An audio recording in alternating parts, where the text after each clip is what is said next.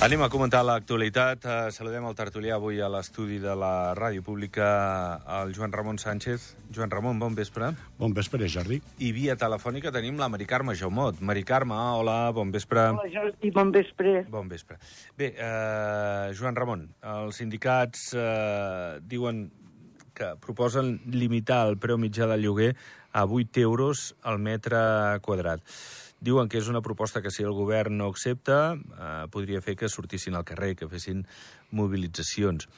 Home, eh, estem negociant i en les negociacions es comença sempre amunt i es va baixant i, clar, les parts intenten trobar aquest punt intermedi, no? Però si els preus dels lloguers estan en 800 eh, de mitjana, bueno, és una Ja és, rebaixa... ja és aquest el preu. Si són 100 metres i volen 8 euros metre quadrat, són 800. Ja, però si són 80 metres, aviam, eh, no ho sé, eh? Vull dir, jo, jo crec que, que es fan pisos no, no de 100 metres, eh?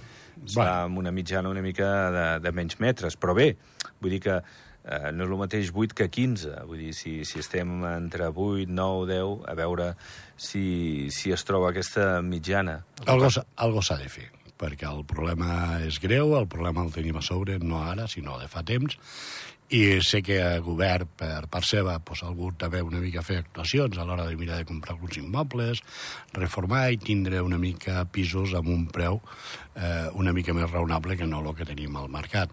El mercat una mica en aquests anys se'ns ha desmadrat amb el tema de les residències eh, eh, passives i inclús actives, eh, tota la gent que venia aquí, i la veritat és que hi ha molta demanda, hi ha molta necessitat i hi ha poca oferta. Que es faci una regularització del tema del preu, mm, a mi em sembla correcte el que més o menys sàpigui tothom per on pot anar.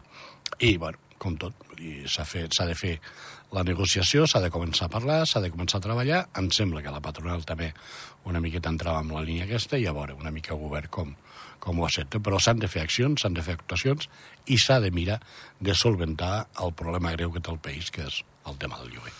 Mari Carme, la, la qüestió de l'habitatge, sempre més o menys, eh, a les tertúlies surt aquesta qüestió. Com, com el valores, com el veus? Pues, estic d'acord amb el senyor Sánchez, el que diu. Vull dir, s'haurà de regularitzar i posar fil a l'agulla, però ja. Ja, perquè és que ara tenim tots els que ens han de vindre de fora i on els col·locarem.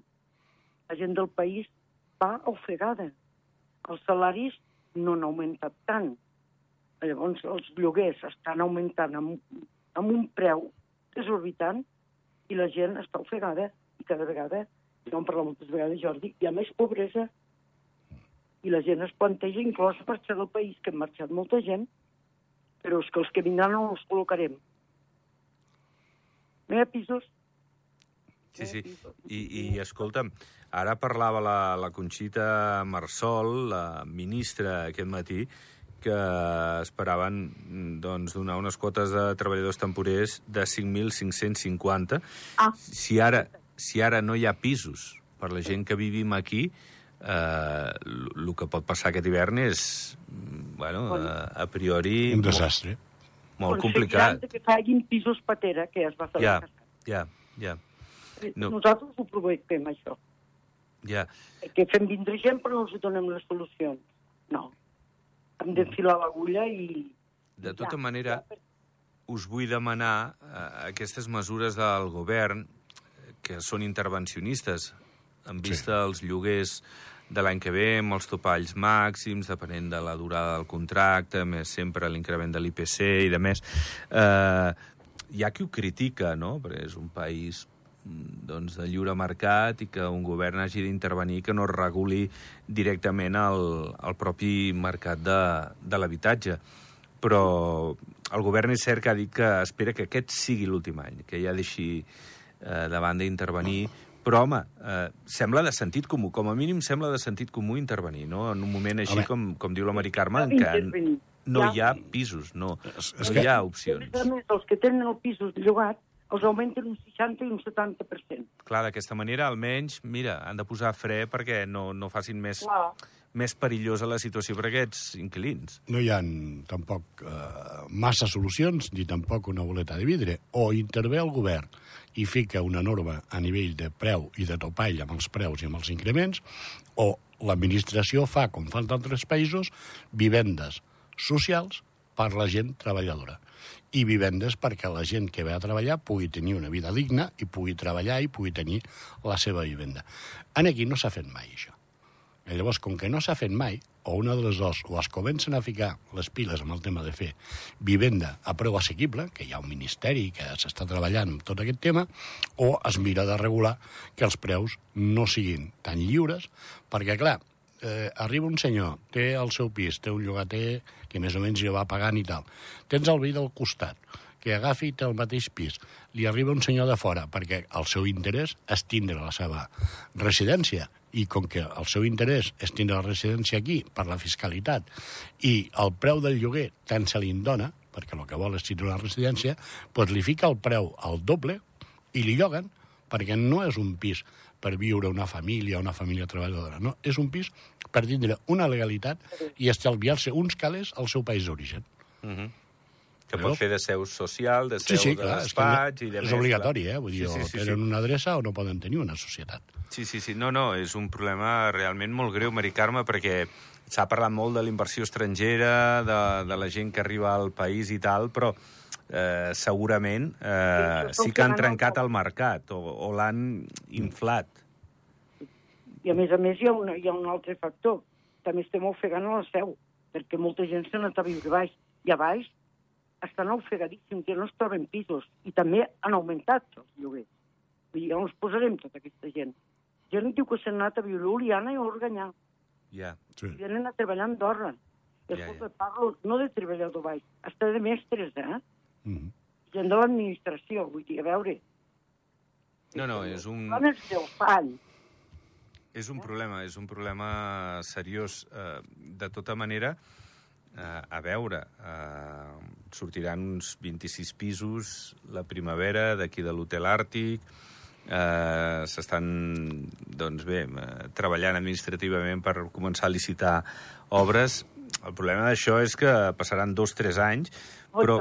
Però, però a lo millor algo immediat, i que també diu la Conxita Marsol, la ministra, que pot esdevenir és que ella calcula uns 1.700 pisos buits que surin, que surtin, uh, perquè els propietaris acceptin doncs, aquesta possibilitat de que els seus pisos, més que estar tancats, estiguin ocupats amb unes garanties.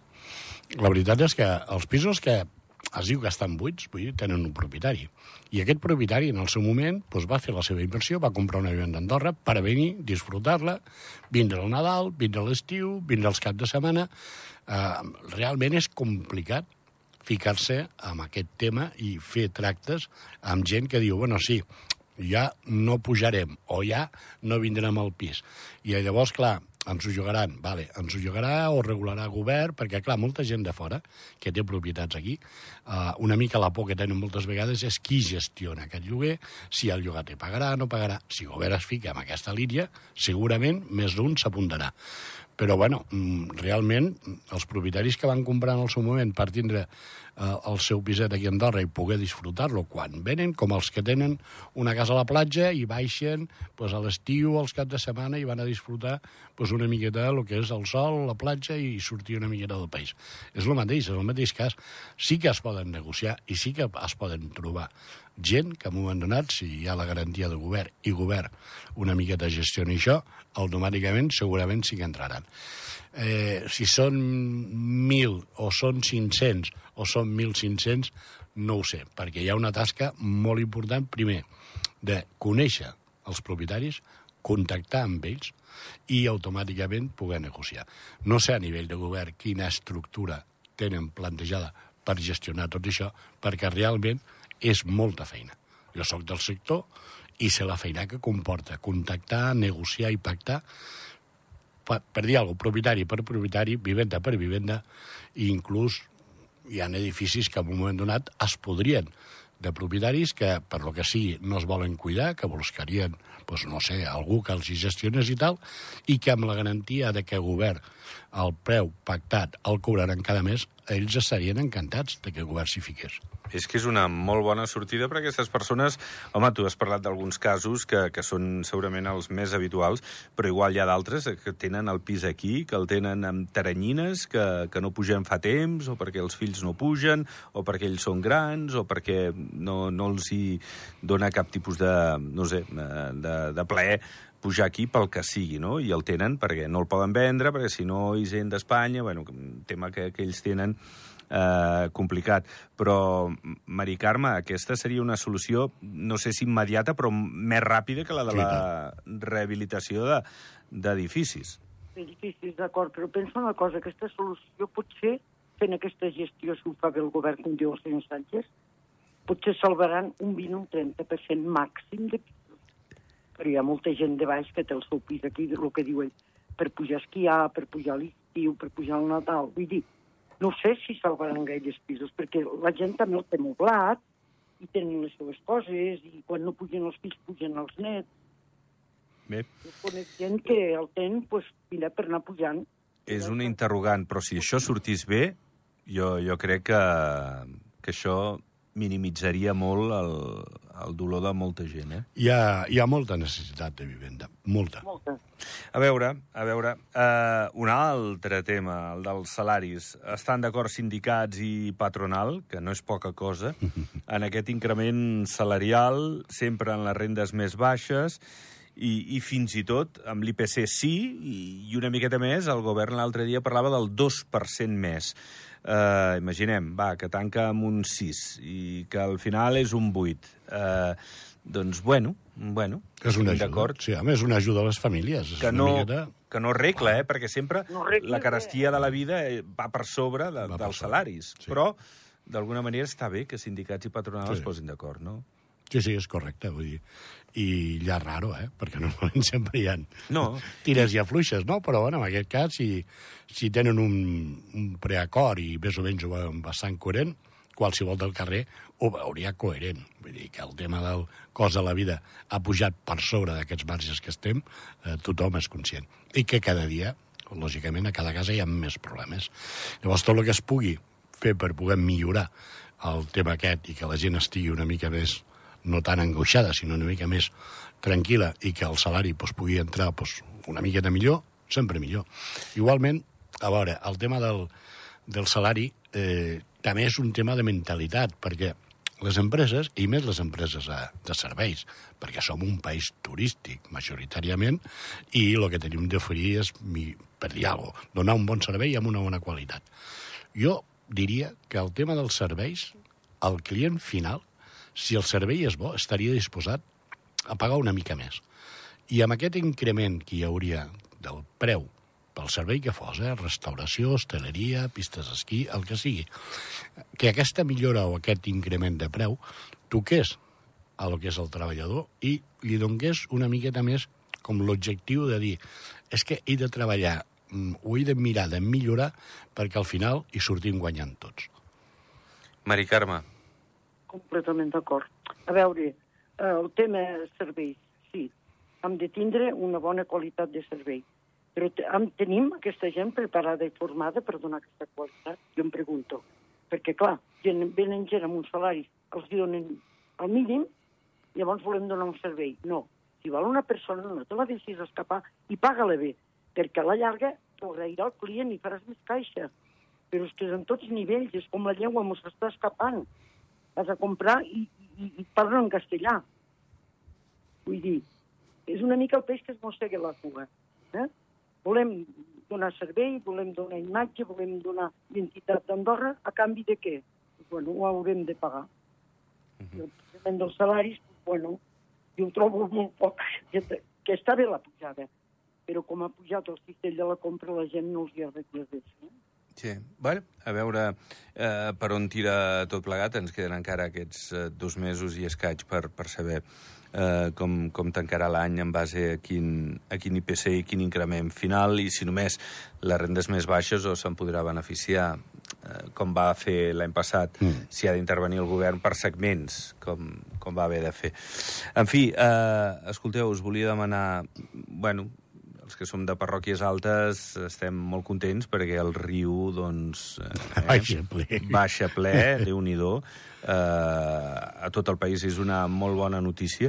Estàvem, mm, doncs, no, no angoixats, eh, segurament, però amoïnats una mica per, per, perquè, clar, d'altres llocs estaven pitjor que nosaltres, però déu nhi déu ens ha insuflat moral, eh, aquesta aigua de, de les últimes hores. Ha vingut justament quan tenia de venir. Sí que és veritat que, per dir alguna cosa, hi ha hagut alguna con altra parròquia, eh, que ha tingut una mica d'ensurt perquè estaven amb unes reserves, eh, em sembla que estaven sobre el 20% amb els dipòsits i tal.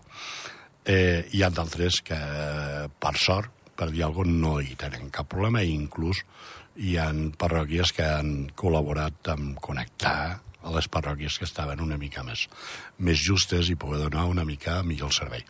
El tema del servei i el tema sobretot dels seus ministres, tant de l'aigua com el tema del clavegram, com el tema de la llum, és que eh, totes les administracions, i més les que són els comuns, que són els que administren tot el que és el creixement a nivell urbanístic, han de ser molt conscients que tot el que s'aprova a nivell urbanístic, el dia de demà, ha de tenir un servei i has de tenir la capacitat d'infraestructura per donar els serveis necessaris a tothom, amb els moments punta. Perquè, clar, tu no pots calcular per dir alguna cosa, bueno, és que farem això perquè, bueno, tindrem un creixement de 3.000 habitants als propers dos anys i amb això més o menys anirem aguantant. No, o sigui, s'han de mirar sempre de que els serveis estiguin en funció de la capacitat que tingui la parròquia i com si tothom estigués a casa a casa, als hotels, als càmpings, sí. als restaurants, a tot arreu. I llavors, clar, això és una tasca de l'administració que ha de vigilar molt bé com fan les seves inversions quan fan un creixement a nivell urbanístic. S'ha de controlar. Sí, bueno, els estudis de càrrega, no? Joan Ramon, han ja d'anar aquí, ja no? Ja estan. Han de donar sí. aquestes respostes, no? Uh, Mari Carme. Completament d'acord. Mai s'havia sentit a Andorra que, teníem, que hauríem de tindre restriccions d'aigua. I, I això, vull dir, és una mica d'alerta del que pot vindre aquest canvi climàtic, el que està passant, perquè és una tardons aquest tan preciosa i tan calorosa, de, de pluja poca, i escolta, s'haurà de vigilar-ho molt de com vingui tot, perquè si no, si mos falta l'aigua, mai havia passat, no ho sé, eh? des de la base, ja. Uh -huh. Si no neve, tampoc tindrem aigua a l'estiu, vull dir, i mira els pantans com estan. Uh -huh. Uh, si ens falta aigua a nosaltres, amb el país que tenim, eh, jo crec que tota la resta, vull dir, estaran pràcticament secs, perquè realment tenim un país que ens surt aigua per qualsevol cantonada. Vull dir, eh, realment el que s'ha de fer és tindre una infraestructura capaç per poder tindre estocs i poder estocar la necessitat que, que es precisi en moments punta, com sol passar. Hi han hagut anys, fa molts anys, eh, però hi han hagut anys que hi han hagut eh, manca d'aigua. Però no manca d'aigua per al país en si, sinó perquè les infraestructures pues, es tenien d'anar millorant i bueno, crec que una mica tots els comuns ho han anat fent uns una mica més, uns altres una mica menys, i llavors, clar, els que han fet més inversió en tot el tema de l'estocatge són els que, quan ve un pont, o ve una festa, o ve el 24 de desembre, que tothom puja i tothom vol anar a esquiar i vol fer la festa, doncs realment tothom pugui tenir el servei i obrir l'aixeta i surti l'aigua. Parlo de l'aigua igual que el tema elèctric, el tema de clavegueram, el tema de depuradores, vull dir, tot això són infraestructures públiques que l'administració d'estar molt a sobre.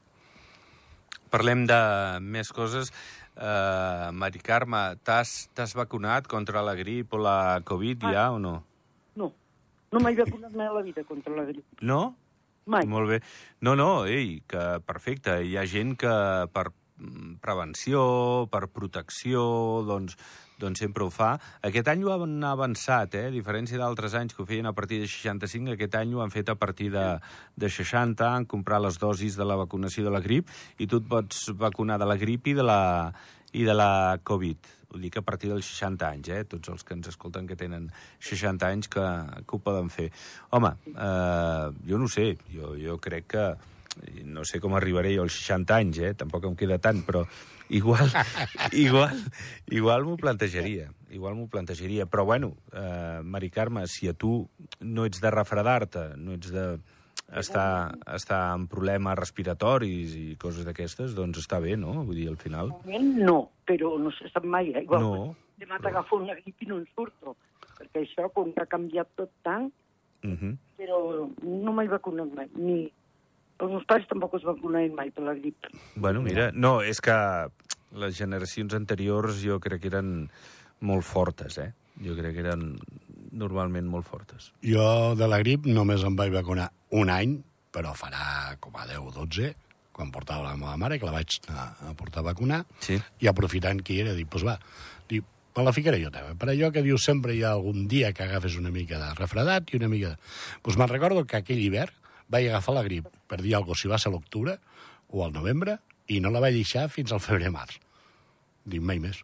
Ni mai més m'he vacunat, tampoc. Escolta, ara que et tinc aquí davant, eh, tu que et mous molt per Ordino, Joan Ramon, la Eva Choi ha dit eh, que, bé, que no, no anirà a les eleccions, que els liberals no, no hi van i, i bé, que fins aquí la, la seva part política d'aquests últims vuit anys. Com, com, com es valora això? Com ho valores? Jo, la veritat és que a nivell de lo que és el tema polític per la campanya de, de les eleccions d'ara, de, final d'any i tal, no hi estic massa posat. La Eva ha estat vuit anys, ha estat en un, un grup primer, després de consellera, i ara ha estat el mandat amb l'Àngel, amb el segon mandat de segona cònsul. Em sembla que és un bon element, crec que la tasca l'ha fet correcta, i bueno, suposo que deu ser una mica decisió d'ella el, el dir, eh, no entro perquè la millor eh, amb el tema dels partits i amb el tema ACO, pues, és un partit que va de la mà de DA des de pràcticament l'inici.